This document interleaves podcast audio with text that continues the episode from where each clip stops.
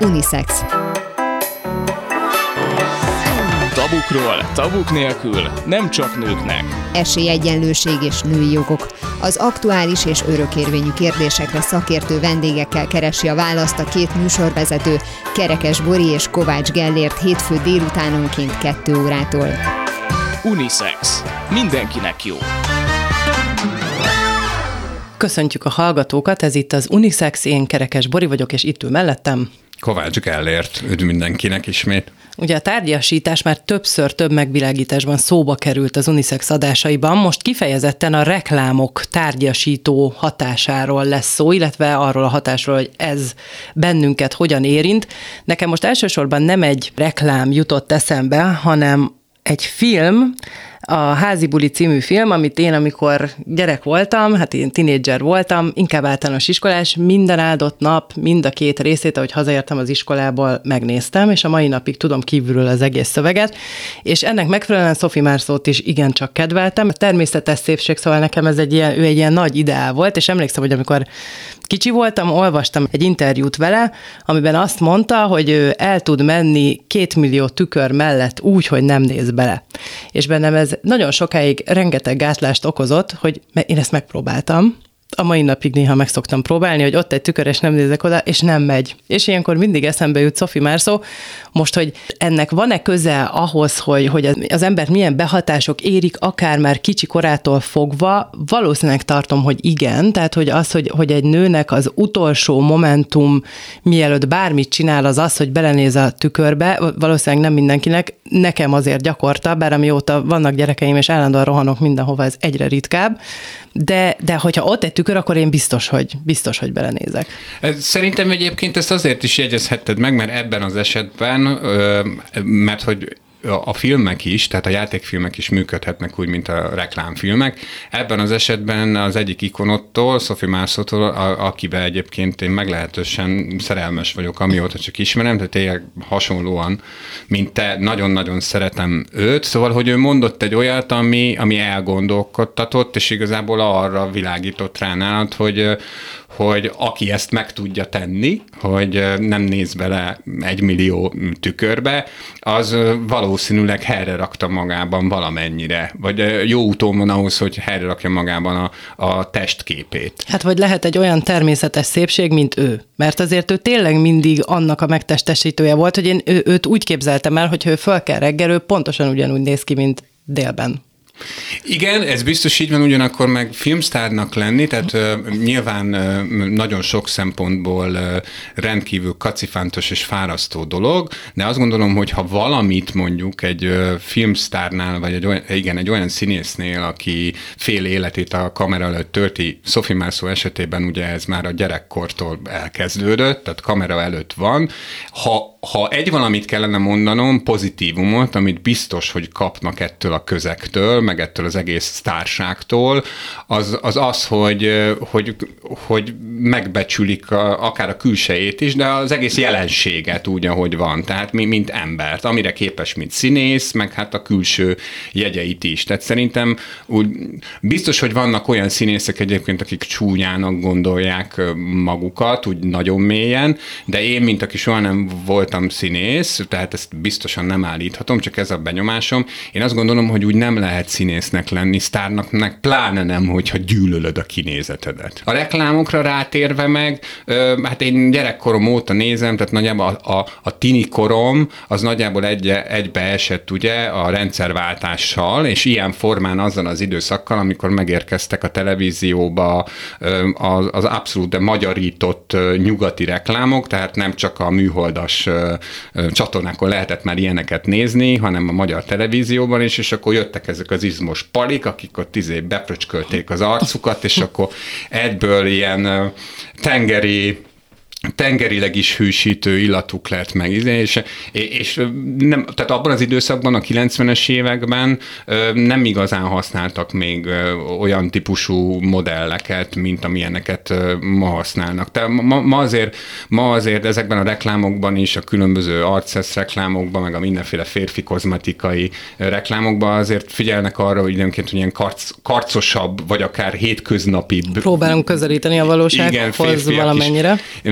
megjelennek, de hát a 90-es években csak ezek a, a alsógatya modellek voltak ezekben a, a reklámokban, akiknek tényleg kockás hasa volt. És te lettél volna uh, ilyen, ilyen alsógatyás kockás hasú? Ez engem így különösebben soha nem izgatott. E, e, ez egyébként valószínűleg nem feltétlenül jó, mármint hogy van ennek egy olyan vetülete is, ami nem jó, hogy én nem nagyon foglalkoztam a testemmel eddigi életem során, mármint hogy nem sportoltam például. Azt egyáltalán nem gondolom haszontalan dolognak, sőt.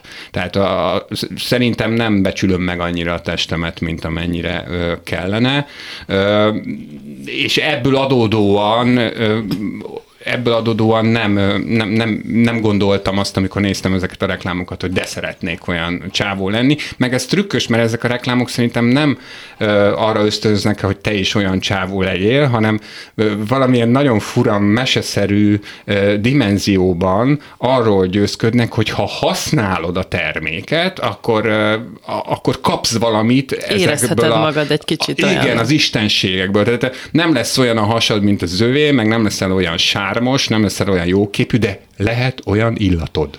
Vagy, vagy az, hogyha ennek a nagyon jó pasinak megfelel ez a parfüm, akkor már nekem hogy ne lenne jó. Tehát, hogy ez is lehet mondjuk egy hozzáállás. Nekem még az jutott eszembe, amit mondtál, hogy, hogy ugye most próbálnak közelíteni a reklámszereplők a, a hétköznapi valósághoz, hogy ugye egyre több az olyan reklám, ahol megmutatjuk azt, aki nem vékony, akinek mondjuk szőrös a honnalja, aki patanásos, aki nem a nem olyan mondjuk vörös hajú, tehát hogy régen ugye ez is egyébként most csak zárójelben megjegyzem, hogy pont most énekelték valamelyik nap a gyerekeim ezt a szőkék legelébb, aztán feketék végül uh-huh. barnák és a maradék, ez is megérne egy misét, hogy ugye mi ilyen dalokon nőttünk föl, de hát hogy nekem ezekről a reklámokról, amikor mondjuk meglátok egy ilyen bugyis, nem vékony lányt, nagyon jó a gesztus, meg ez, ez, ez, ez szerintem a márkának egyfajta elköteleződése a felé, hogy ugye nem csak a tökéletes, de bennem nem, én bennem nem kelti azt a téveszmét, hogy, hogy őt ugyanolyan szépnek gondolnánk, mint a mellette álló tökéletes testűt. És Inkább szerintem, gesztus ez, igen. Gesztus, de szerintem mindannyian tudjuk, hogy a mellette álló szép testű a szép. Bár én nem mindig látom ezt. Egyébként ezekben a reklámokban, amelyekben ilyen plusz size modellek szerepelnek, nagyon sokszor kifejezetten vonzóbbnak látom a teltkarcsú lány, de ez, ez szerintem a személyes ízlés kérdése. De egyébként férfi fronton is vannak változások, az nem tudom, hogy mennyire vette részt, néhány éve kezdett megjelenni az egyik legnagyobb ilyen kozmetikai termékeket gyártó cég kínálatával, az úgynevezett férfi férfi testápoló. És amikor ez megjelent, akkor én utána olvastam, és ilyen mindenféle fórumokon viták is voltak ebben, hogy a férfiaknak, ez egy létező kérdés állítólag, hogy a férfiaknak szabad-e testápolót használni, és én láttam is olyan reklámot, amiben ilyen talán éppen focisták reklámozták ezt a, sőt, nem is csak testápoló volt, hanem arcápoló is, ami aztán már gondolom a maszkulintásnak tényleg a, a mínusz hetedik foka, vagy nem tudom, hogy valaki külön krémmel keni az arcát. Én egy csomó ilyen férfit ismerek, aki krémmel keni az arcát. De azon a reklámon is látszik, hogy ők mégiscsak óvatoskodnak. Tehát, hogy a, a, a, már nem emlékszem pontosan, hogy ebben a reklámban hogyan érvelnek a, a férfi arckrém mellett azok, akik reklámozzák, de az egésznek a hangulata ilyen, ugyan már nincs abban semmi kínos, meg hát nekünk is van bőrünk, meg mi is, mi is szeretjük a törődést, biztos valami ilyesmi szöveg volt benne. Szóval, hogy még 2000 2023-ban vagy a 2020-as években is vannak olyan dolgok, amikbe így bele se gondolunk, tehát úgy vannak megkövülve a társadalomban, mint például ez, hogy a férfiak ne, nem használnak, vagy csak titokban testápoló termékeket. Nyilván azért, mert hogy a, a azoknak az embereknek a szempontjából, akik mondjuk apám is ilyen volt, akiknek már tényleg kirepedezik a keze, és csak azért nem keni be semmivel, mert hogy ú, elmúlik az magától. Szóval, hogy, hogy ezek aztán ilyen tényleg teljesen haszontalan téveszmék, mert, mert tényleg senki nem lesz attól férfiasabb, hogyha nem ken magára testápolót, és, és mégis létezik ez a, ez a gondolat még mindig.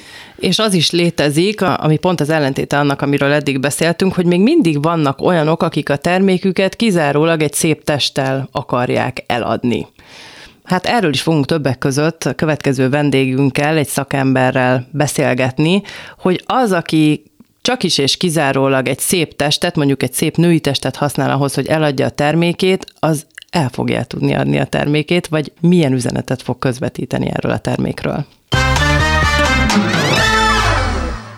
Huszás Sándor a Szegedi Tudományegyetem gazdaságtudományi karának oktatója és marketing tanácsadó van itt velünk a stúdióban. Szerbusz! Sziasztok, üdvözlöm a hallgatókat! Szia. Vizsgálható egyáltalán a reklámok önértékelésre gyakorolt hatása, és ha igen, akkor hogyan?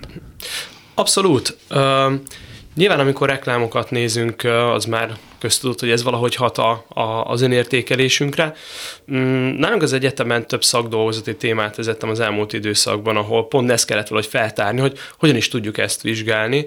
Szerencsére azért vannak olyan módszerek, és, a, és talán, hogyha hogyanra kellene válaszolni, vannak olyan szemkamerás vizsgálatok, vagy olyan kérdőes módszerek, ahol például egy, egy impulzus előtt és utáni állapotot tudunk mérni, ez praktikus, ez úgy néz ki, hogy, hogy különböző tartalmú vizuális elemeket vetítünk le például a hallgatóknak. Ez mondjuk Most, azt jelenti, hogy egy csinos nőről egy képet, hogyha konkretizáljuk? Például, hát igazából ez a kísérletes témakörbe tartozik. Itt ezt úgy kell elképzelni, most legutóbb az egyik szakdolgozom, aki, aki egy ilyen kutatást végzett, nála azt, azt az eljárást dolgoztuk ki, hogy igazából a résztvevők őket három csoportba soroljuk, ők nem tudnak arról, hogy három különböző csoportba kerültek, és az egyik, az egyik csoportnak például kifejezetten valamilyen sportos vagy lengébb öltözetben szereplő személyeket láthatnak, a második csoport tagjai mondjuk egy body pozitív, vagy egy olyan, ami, ami sokkal inkább az önértékeléssel kapcsolatban az elfogadásra utal,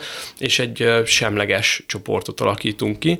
Majd megnézzük, hogy a, az egyes csoportokba kerül egyéneknek a, a stimulus előtt, illetve stimulus után milyen volt akár az önértékeléssel kapcsolatos álláspontjuk, mennyire voltak elégedettek különböző életmódbeli tényezőkkel, és például ezek a kutatások arra világítottak rá, hogy bizony, amikor egy, most, hogyha nem feltétlenül a szexualizált reklámokról beszélünk, hanem mondjuk sportolással kapcsolatos reklámokról, kifejezetten egy, egy média által kommunikált ideát helyeztünk középpontba, akkor bizony az önértékelés az romlott, illetve különböző életmóddal kapcsolatos tényezőkkel is a stimulus után úgy értékelték a részvevők, hogy hát lehet, hogy nem megfelelően étkezem, lehet, hogy nem vagyok egészséges, lehet, hogy nem mozgok eleget. Még mondjuk a body pozitívnál ennek esetekben az ellenkezője volt igaz, amit kiváltotta. Ugye említetted a body pozitív kategóriát, ami ugye azokat a reklámokat jelenti, amikor mondjuk egy teltkarcsú nő van ott, vagy egy, egy nem tudom, kevésbé szép, akár mondjuk ugye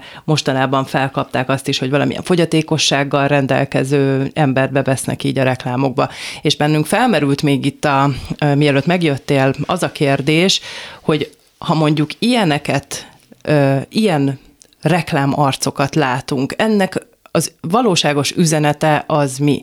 Mert valahol kimondatlanul mindannyian tudjuk, azáltal, hogy ki vannak emelve, is össze vannak hasonlítva az átlagos reklámarcokkal, akik meg ugye bombázók és tökéletesek, tehát hogy, hogy azt mondod, hogy a, a ránk gyakorolt hatása mondjuk jobb, de az üzenete az valójában mi? Én ezt két dimenzió alapján különíteném el, vagy két dimenzió mentén. Az egyik az az, hogy ugye az egyére milyen hatást gyakorol. A mi vizsgálatunk az azt mutatta ki, hogy valamelyest jobb lesz a, a hangulatérzete, amikor valaki ezzel találkozik. Azt egyértelműen nem tudtuk kimutatni, hogy javulna az életmóddal való elégedettsége, ez, ez stagnált, ez ugyanaz volt, mielőtt találkozott volna a hirdetéssel az illető. Azonban a, a body pozitív mozgalmak esetén szerintem egy, egy sokkal fontosabb üzenet az, hogy a márka kapcsolódik egy olyan mozgalomhoz, amit, amivel meg szeretné azokat szólítani, akik, akik rokon szenveznek ezzel a mozgalommal, részesévé akarnak válni. Ezáltal tudom azt kommunikálni, hogyha számodra fontosak ezek az értékek, akkor válasz engem, hiszen ez számomra is fontos. Az fontos látni, hogy, hogy ugye nem csak az egyénre hat a reklám, hanem a, egy, hanem a márkának a cél nagyon sokszor a márkai másnak az alakítása, emiatt csatlakoznak valamilyen mozgalmakhoz, vagy vagy kezdik ezeket az értékeket egyre jobban kommunikálni. De igazából az üzenet az az, vagy nem is lehet a reklámnak más az üzenete, hogy, hogy a külső számít? Most e, érdekes igen a kérdés. Én azt gondolom ezzel kapcsolatban, és ez inkább csak személyes vélemény, hogy nyilván ebben is megjelenik a külső, mert nyilván az alapján történik ez a body pozitív mozgalmaknak is a megjelenése, de hogy de hogy nyilván ebbe fogadjuk el önmagunkat, és a külső az nem olyan szempontból számít, hogy, hogy most legyél izmos, legyél fit, hanem hogy teljesen természetessé válik az, hogyha van egy narancsbőröd, teljesen természetes az, hogyha van rajtad néhány kiló. Én is két gyermeknek apukája vagyok, valahogy ez az apatest, ez valahogy kezd kialakulni így a, az apukákban is így a, a gyermekek születése után, amivel én is személy szerint kell, hogy barátkozzak, egy kicsit helyre tennem magamban is ezt a dolgot, hogy hogy a korral én is egy kicsit változok, és nem olyan vagyok, mint 20 évesen. Vannak azok a speciális test pozitív reklámokat, reklámok, amikről már az előbb beszéltünk, ahol mindenféle adottságú és helyzetű ember jelenik meg, de ugyanakkor meg a, a klisék a legtöbbször, akár a, a, a reklámvilágban is azért tartják magukat, mert hatnak. Tehát azok hatnak a, a, a, a legjobban.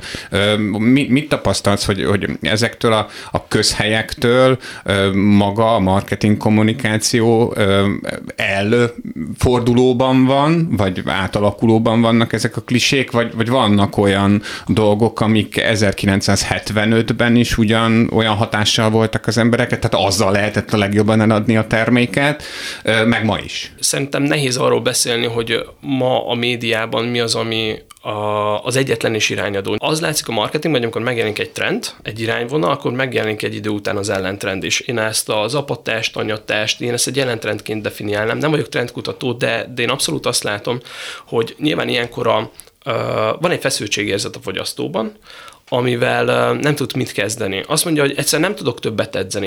Ami arra sarka, hogy hát meg kell barátkoznom önmagammal. A másik pedig az, hogy, hogy erre szintén rájönnek vállalkozások. Azt mondják, hogy a mi márkánknak az üzenete az, hogy te így vagy jó, ahogy vagy. Az nagyon jól látszik, hogy maga a reklámkultúra, vagy hogy hogyan adok át egy üzenetet, ez a vállalat méretének csökkenésével, ez ugyanúgy nagyon sokszor egyébként csökken is ennek a, a hozzá, vagy a hozzáértés legalábbis a cégek részéről. Van egy kampány, mivel dobjuk fel. Mm, nem mondom, hogy jelentős rész az eseteknek, de azért előfordul az, amikor a, a cég vezető, hogy nem lehetne egy, egy, egy szép hölgyel feldobni például. Ez a tipikus kérdés, hogy elvárás, ami így megjelenik.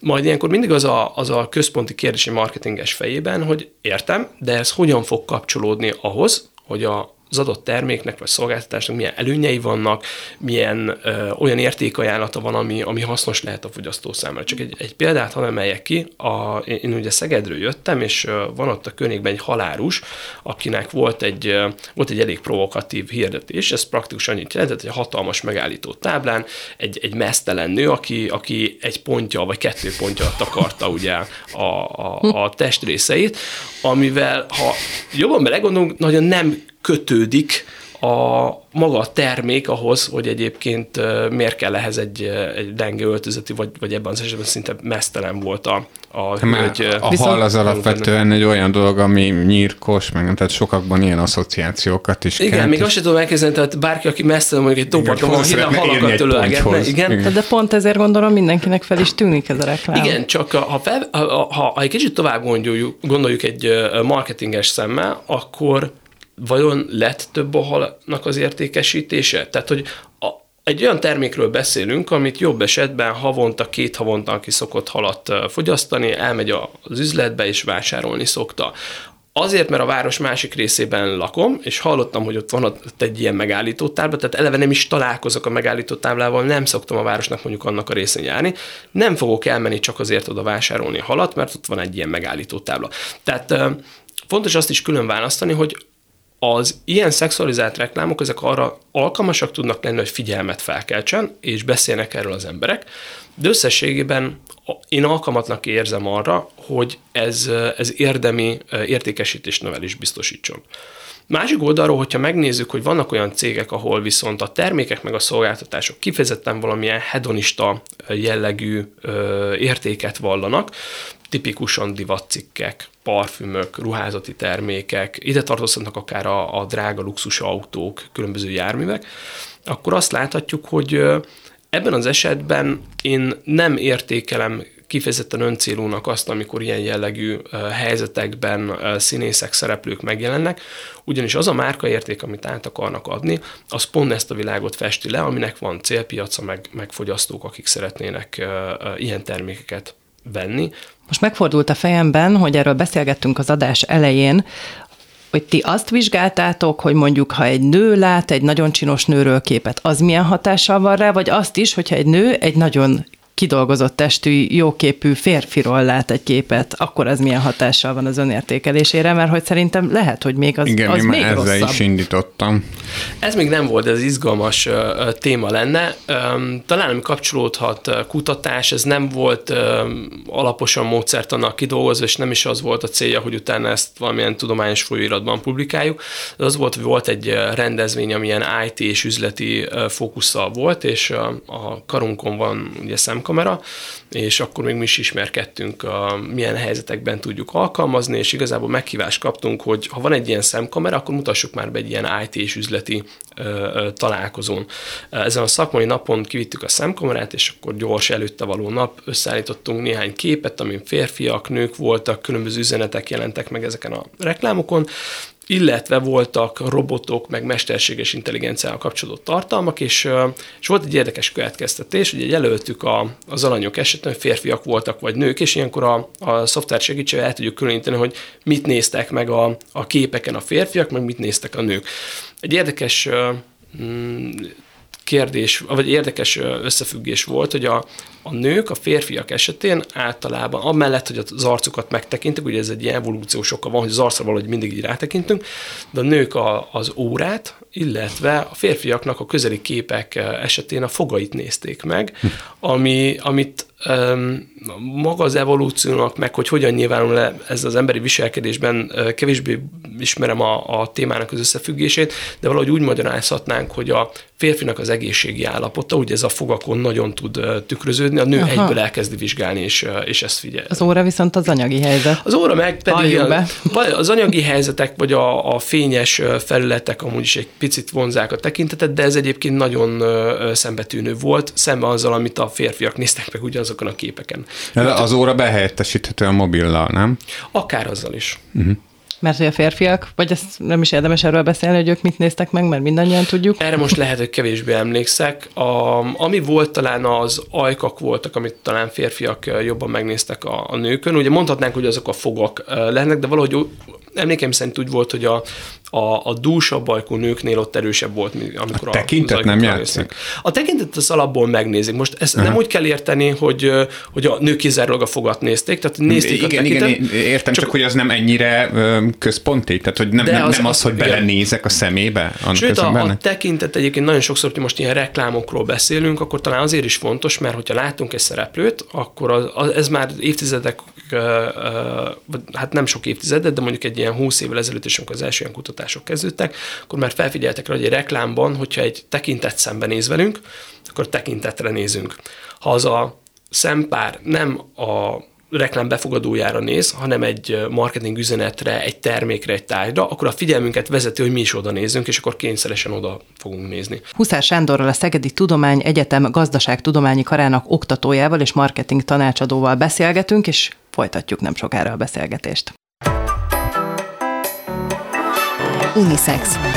Tabukról, tabuk nélkül, nem csak nőknek.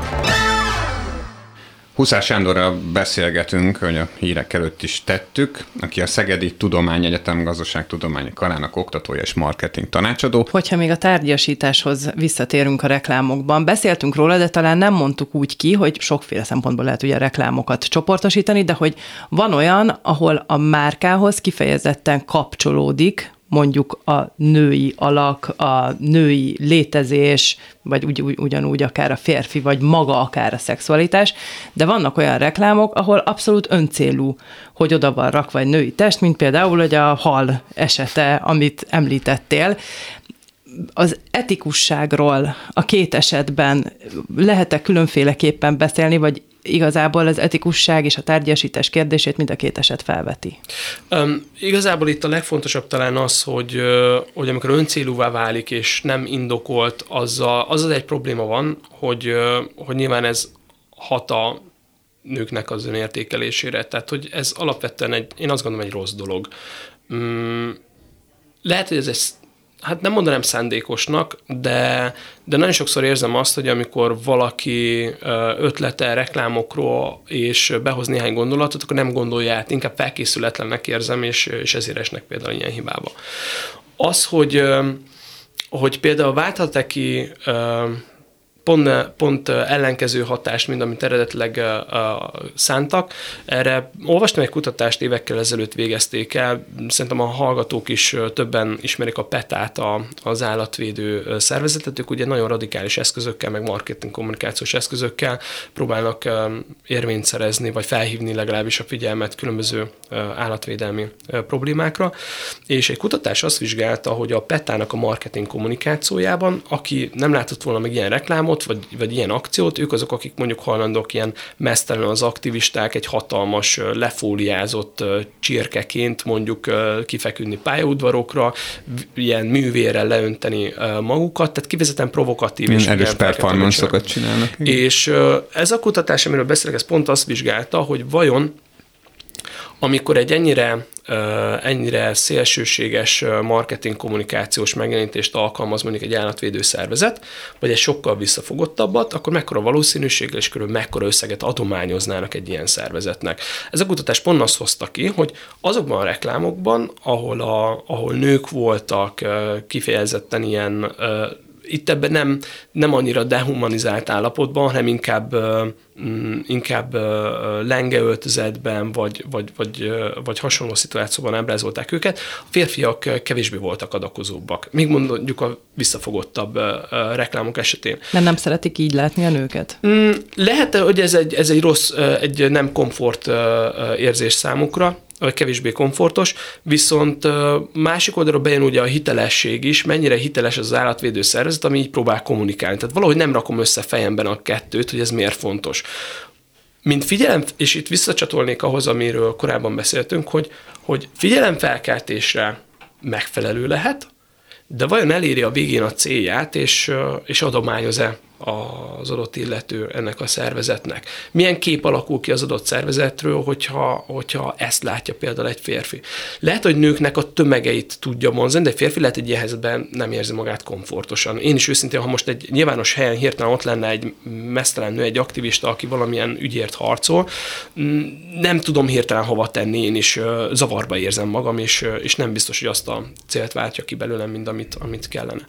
Úgyhogy Nyilván azért, mert alapvetően ezek a kampányok valamilyen módon meglehetősen ingerült agresszív kampányok, tehát radikális kampányok. Igen, ez érdekes, hogy hogyan következik egy ilyen kampány hatásából az, hogy én akkor most támogatom Igen. ezt a szervezetet. Um, és talán másik téma, ami, amit fontos említeni, hogy vannak olyan mm, felmérések, amik mondjuk azt vizsgálják, hogy, hogy értjük, hogy mondjuk valamilyen férfiaknak szóló termék eh, reklámozás esetben megjelennek a nők, de vajon eh, vajon hogyan viszonyulnak a nők ez az öntárgyasításhoz. És, eh, és az igazság, hogy ezek a felmérések is azt, azt támasztják alá, hogy egyre több olyan anyagban, reklámkampányban jelenek meg a nők tárgyasított helyzetben, ami kifejezetten egyébként meg nőknek szól. Ami nagyon mutatja azt is, hogy olyan, mint hogy ez kezdene egyre inkább elfogadottá válni a társadalomban és a nők körében is. Nem kell olyan nagyon messzire menni, elég felkapcsolni például valamelyik eh, videó megosztó portált, ahol zenét szoktunk mondjuk hallgatni, és a videoklipekben azt látjuk, hogy észak-amerikai rapperek, hölgyek eh, olyan videoklipet forgatnak, a, amilyen szituációban, ha lenne lányunk, ugye soha nem szeretnék látni, hogy így táncol, meg, eh, meg, meg ezekhez a felhívásokhoz, akciókhoz kapcsolódik.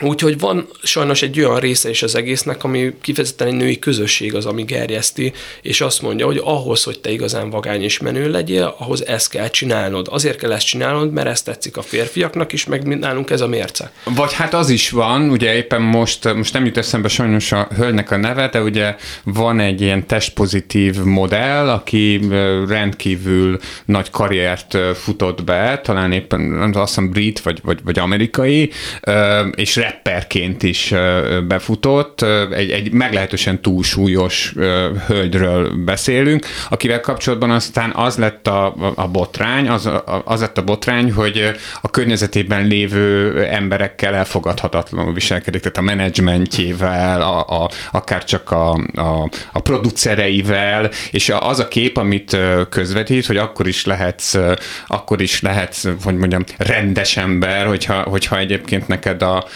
popstárként, vagy celebritásként fontos a szexualitás, tehát fontos az, hogy, hogy jól néz ki, vagy jól nézzél ki, vagy úgy nézzél ki, ahogy, ahogy, ahogy kinézel, de Szóval én még önmagában ebben nem, nem látok egyébként problémát, hogy, hogy, hogy, mert ugye nagyon sokfélek vagyunk, tehát a nők között is lehet olyan, akinek igen, igenis fontos a, a, a szexus, vagy font, fontos az, hogy, hogy, ezt, hogy ezt kifejezze, hogyha csak erre koncentrál egy, egy művész, vagy egy kampány, az probléma talán.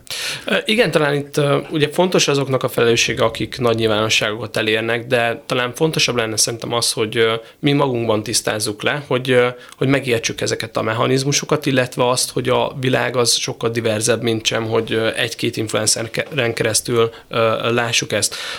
Ahogy te is említetted, nyilván ezt betudtad annak, hogy nem az összes body pozitív influencer ilyen, egyszerűen ő egy olyan ember, ő egy a sok közül, akinél kiderült, hogy, hogy nem olyan jól kommunikál a másokkal.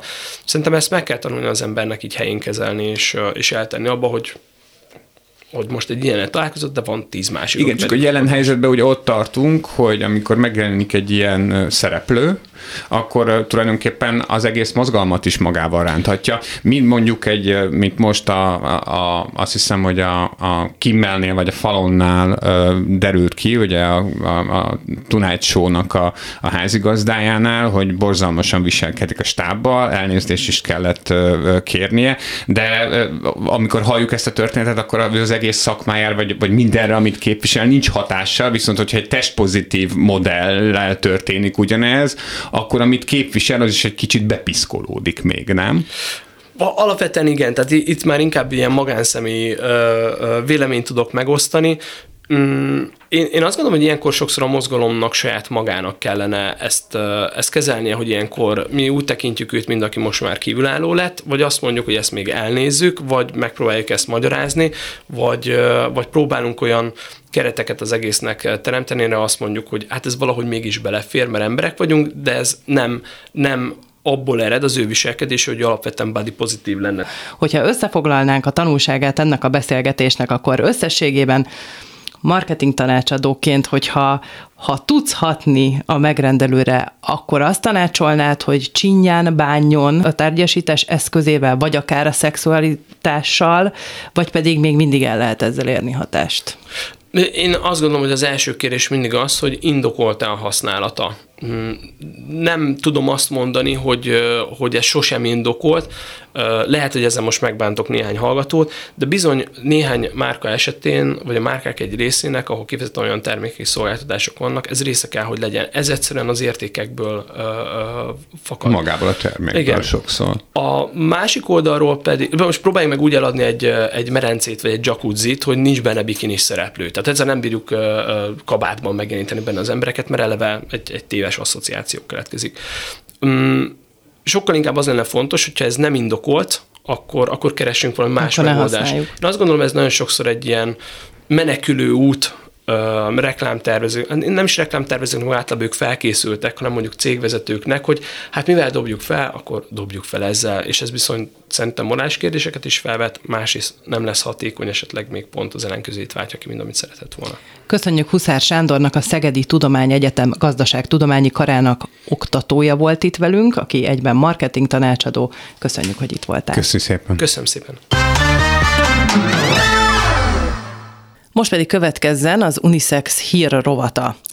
Magyarország az egyetlen uniós ország, ahol a női miniszterek száma nulla. Varga Juditnak nemrég volt az utolsó munkanapja igazságügyi miniszterként, lemondásával a kormány nő nélkül maradt. Megvizsgálták 27 uniós tagország kormányait, és megállapították, hogy az unióban a miniszteri posztok alig több mint 33 át töltik be nők. A kutatásban a miniszter helyettesi és az államtitkári posztok nem számítanak. Természetesen Finnországban a legmagasabb a női miniszterek aránya, azért mondom, hogy természetesen, mert ugye ez már több hírben előkerült, hogy a skandináv népeknél mennyivel jobbak ezek az arányok több tekintetben, mint nálunk. Az új jobboldali kabinetnek ugyanis a kétharmada nő Finnországban. Az északi állam után öt másik uniós országban 50 százalék, vagy annál több a nők aránya a kormányokban, ide tartozik Hollandia, Spanyolország, Belgium, Portugália és Ausztria. Hát igen, én azt hiszem egyébként, hogy ha egy picit belegondolunk abba, hogy miért nincs most a magyar kormányban nő, elég könnyű rá a válasz, ugye Barga Judittal se voltunk sokkal beljebb, vagy hát nem voltak a, azok a nők beljebb, akik tényleg szeretnék a női érdekeket képviselni a kormányban. Én azt gondolom egyébként, hogy ez egész egyszerűen azért van, mert a, a kormánynak a, a politikája, a nő politikája is, vagy a, a nem politikája, az vállalhatatlan egy, egy olyan nő számára, aki, aki valóban abban gondolkodik, hogy felelős politikusként tevékenykedjen. Tehát, Meg hát hogy... ugye tudjuk, hogy a nőnek hol van a helye, ugye azért ott is le vannak osztva alapok, az pedig nem nem feltétlenül ugye a karrier fronton van. Igen, rettenetesen furcsa szerintem egyébként a, a tűz közelében lévő magyar nők kommunikációja a választók felé. Gondoljunk csak köztársasági elnökünk évekkel ezelőtti videójára, ahol ilyen ilyen ö, mesterséges konyhai körülmények között érvelt a, a háztartásbeliség mellett, meg tulajdonképpen ellen is, tehát hogy, hogy, hogy próbálnak valahogy úgy megfogalmazni ö, dolgokat, hogy az, ö, hogy az ne bántson meg senkit, de mégis olyan legyen, mintha itt képviselve lenne ö, a, a, a, akár csak a feminizmus. Ezt, ezt a szót ezt nyilván nem lehet kimondani a kormány politikájában, mert hát az egész nem erre, nem erre erre épül.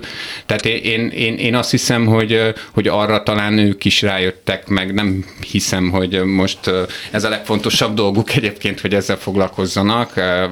Sokkal problémásabb ügyeik is vannak, de de ezzel együtt nyilván az az elsődleges egy kormánynál, hogy az az ember, akit megbíznak egy feladattal, egy miniszteri feladattal ebben az esetben, az kompetense és nem, nem az, hogy, hogy nő legyen. Tehát láthattuk, hogy Varga Juditnak a nőiességét hogyan próbálták meg ugye hangsúlyozni, az a például, hogy zenél a, milyen szépen zenél ez a nő, ugye? Hát akkor már ő biztos, hogy, biztos, hogy kedvünkre való. E, ezzel együtt meg a, a, a, a Varga Judit meg rá is játszott arra, hogy véletlenül se tűnjön a, a, a szó légies értelmében nőiesnek. Ugye azért ő egy ilyen inasabb, ilyen határozottabb vonású hölgy, a hangja is mélyebb, egy, ahhoz képest, ahogy egy, egy átlagos nőnek a hangját elképzeljük mondjuk, tehát De egy hát erről beszéltünk egyébként. is, így erről azért beszéltünk is, hogy nem csak a, ez azért a politikában jellemző, meg a magas beúszású mm, politikusoknál, hogy ugye például Margaret Thatcherről már beszéltük ezt, hogy ő tanulta is, hogy hogy mélyítse hangját.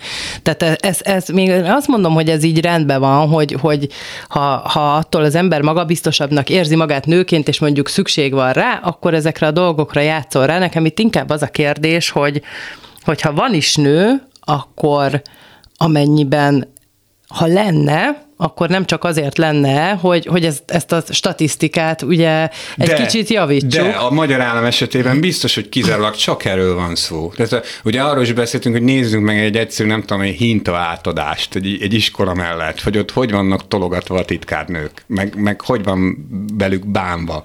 Tehát nincs, amíg a amíg egy kormányzatnak az alapimidzseben nincs beleépítve, nem része az, hogy, hogy valóban a nemek kiegyenlítődésén dolgozik, az, addig ez nagyon átlátszó lesz. Tehát Magyarországon ez nagyon átlátszó. Nem, nem, nem véletlenül ö, volt eddig is csak néhány nő a, a kormányban úgynevezett mutatóba. Tehát ö, alapvetően szerintem ezek a férfiak, akik a magyar kormányban vannak, ők nem, ők nem akarnak nőket maguk mellé, mert, mert ők azt gondolják, hogy ez a fiúk terepe. Tehát ez, finomkodhatunk ezen, de hát láthatjuk a köztársasági elnökünket is, hogy ugyanúgy távirányítóval működik, mint a Ezt akartam mondani, hogy ezek a megrendezett videóknak is a szövegét, hogyha nem is férfi írta, de hogy biztos, hogy férfi elolvasta és leokézte a száz százalék. Hát persze, hát persze, még akkor is, hogyha a stábjában bizonyára ö, vannak nők, de bizonyára ö, azok is inkább csak a kirakatnak ö, vannak, hiszen egy, egy olyan rendszerben, mint amiben most élünk, központi direktíváknak kell megfelelni. Véletlenül sem képzelhető az el, hogy a köztársasági elnök egyszerűen nem tudom én, tudatára ébred, öntudatára ébred, és akkor majd magától elkezd dolgokat mondani és csinálni. E, ezzel együtt valóban Európának is, meg ugye a világnak is van behozni valója, tehát mi az abszolút ciki zónában vagyunk, ez, ez tényleg így van, de, de ezzel küzdenek Amerikában is, meg, meg más helyütt is. Én azt gondolom egyébként, hogy ezt a részét, ha nagyon akarjuk, már mint mi, az emberiség, akkor ezt egy néhány évtized alatt egyébként ki, le, ki lehet dolgozni, vagy, vagy akár organikussá is lehet tenni. Én már ezt elkezdtem, gimnáziumban volt egy ilyen hanvába halt ötletem, hogy szerettem volna megalapítani a Szebbik pártot a jó. Jobbik mintájára, úgyhogy ezt akkor én valahogy így, így abba hagytam, de most tulajdonképpen, hogy erről beszélünk, azon gondolkoztam, hogy sosem késő, úgyhogy ha a hallgatók között van valaki, akinek van kedve hozzám csatlakozni, akkor jöjjön a Szebbik párt. Hajrá! Feminizmus történeti rovatunkban a rendszerváltás utáni időszakról beszélgetünk állandó szakértőnkkel, Acsádi Judittal, a Társadalomtudományi Kutatóközpont Szociológia Intézetének tudományos főmunkatársával. Az első magyar szabad választásokon volt-e feminista párt, vagy sem? Nem volt, meg nem is biztos, hogy a feminizmus feltétlenül pártba szeretne De szerveződni. párt volt. Egy pat- patriarchális rendszerben. Volt kezdeményezés erről, nagyon jól tudok, és nagyon izgalmas kerekasztal volt az akkor újonnan alakuló nőszervezetek között. Tudok például az a legkorábbi zöld pártról, ami szintén, ami tulajdonképpen ilyen civil grassroot mozgalomból nőtt ki, neki Béres Zsuzsa volt a, a pártelnöke, és ő egy kifejezett feminista volt, olyannyira, hogy a feminista hálózatnak egyik alapító tagja volt, egy nagyszerű személyiség de külön párt nem indult a nőkért. A feminista hálózat az, az mit rejt ebben az időszakban? Ez 1990-ben alakult, és az előzmények között több alternatív kis szervezetnek a tagsága volt, akik békemozgalom, ökológia, tekintélyelv ellenesség, akkor a kötelező katonai szolgálat ellen, tehát akkor itt tele voltunk ilyen újonnan alakuló kis csoportokkal, és részben ezeknek a tagsága, részben pedig az eltén jó magam egyébként, meg egy évfolyamtársnőm szerveztünk egy interdisziplináris előadás sorozatot, mert ugye már engem akkor is foglalkoztatott a feminizmus, ennek az volt a címe, hogy a nő a társadalomban, és egy olyan izgalmas előadás sorozat lett, Adamik Mária tanárnőnk volt, aki aztán a nevét is adta az egészhez, és, és sok meghívott előadó volt, hogy az utcáról bejöttek emberek, a híre ment, hogy a bölcsész karom, mit tudom én, kedd esténként,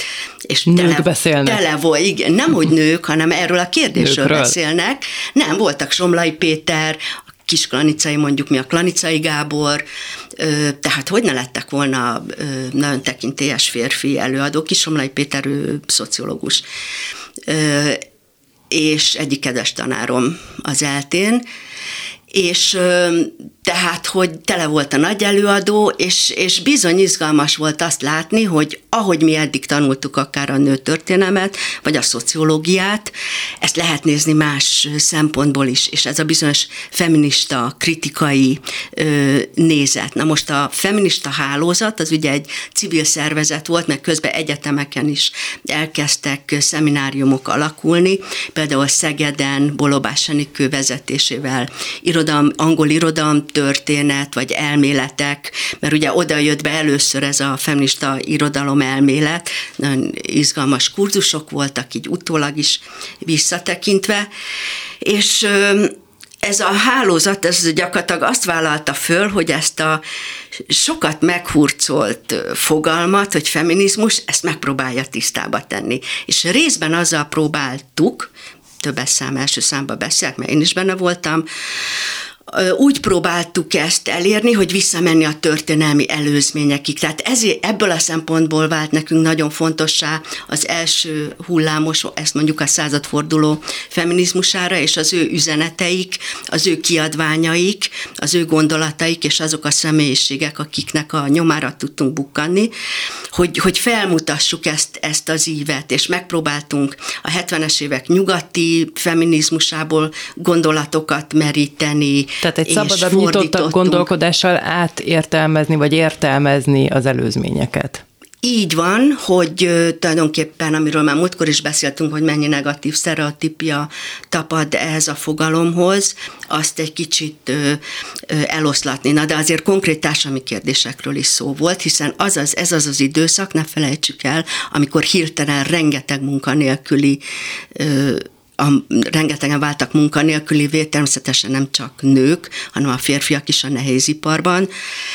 Ez az az időszak, amikor 40 fölött gyakorlatilag nem akartak hirtelen foglalkoztatni nőket, amikor meginogni látszott az egész szociális ellátórendszer, óvodástól, bölcsödéstől.